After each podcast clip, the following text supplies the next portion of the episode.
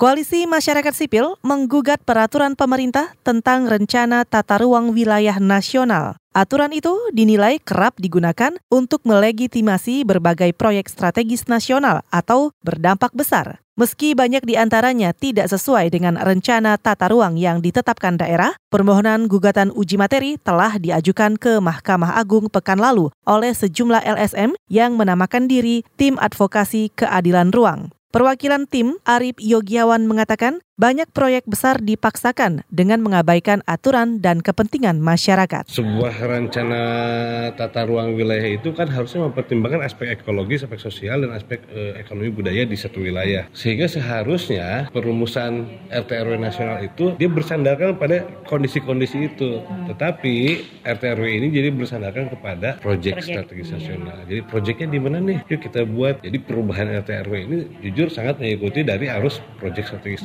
nasional tidak melihat kondisi tadi ekologis, ekonomi, sosial, budaya. Perwakilan tim advokasi keadilan ruang Arif Yogiawan menambahkan, Peraturan ini menjadi semacam hak veto bagi pemerintah untuk mendirikan bangunan di luar perencanaan. Contohnya kasus PLTU Cirebon yang sempat digugat Walhi dan dikabulkan pengadilan. Namun, pemerintah menerbitkan peraturan tersebut sehingga proyek bisa dilanjutkan.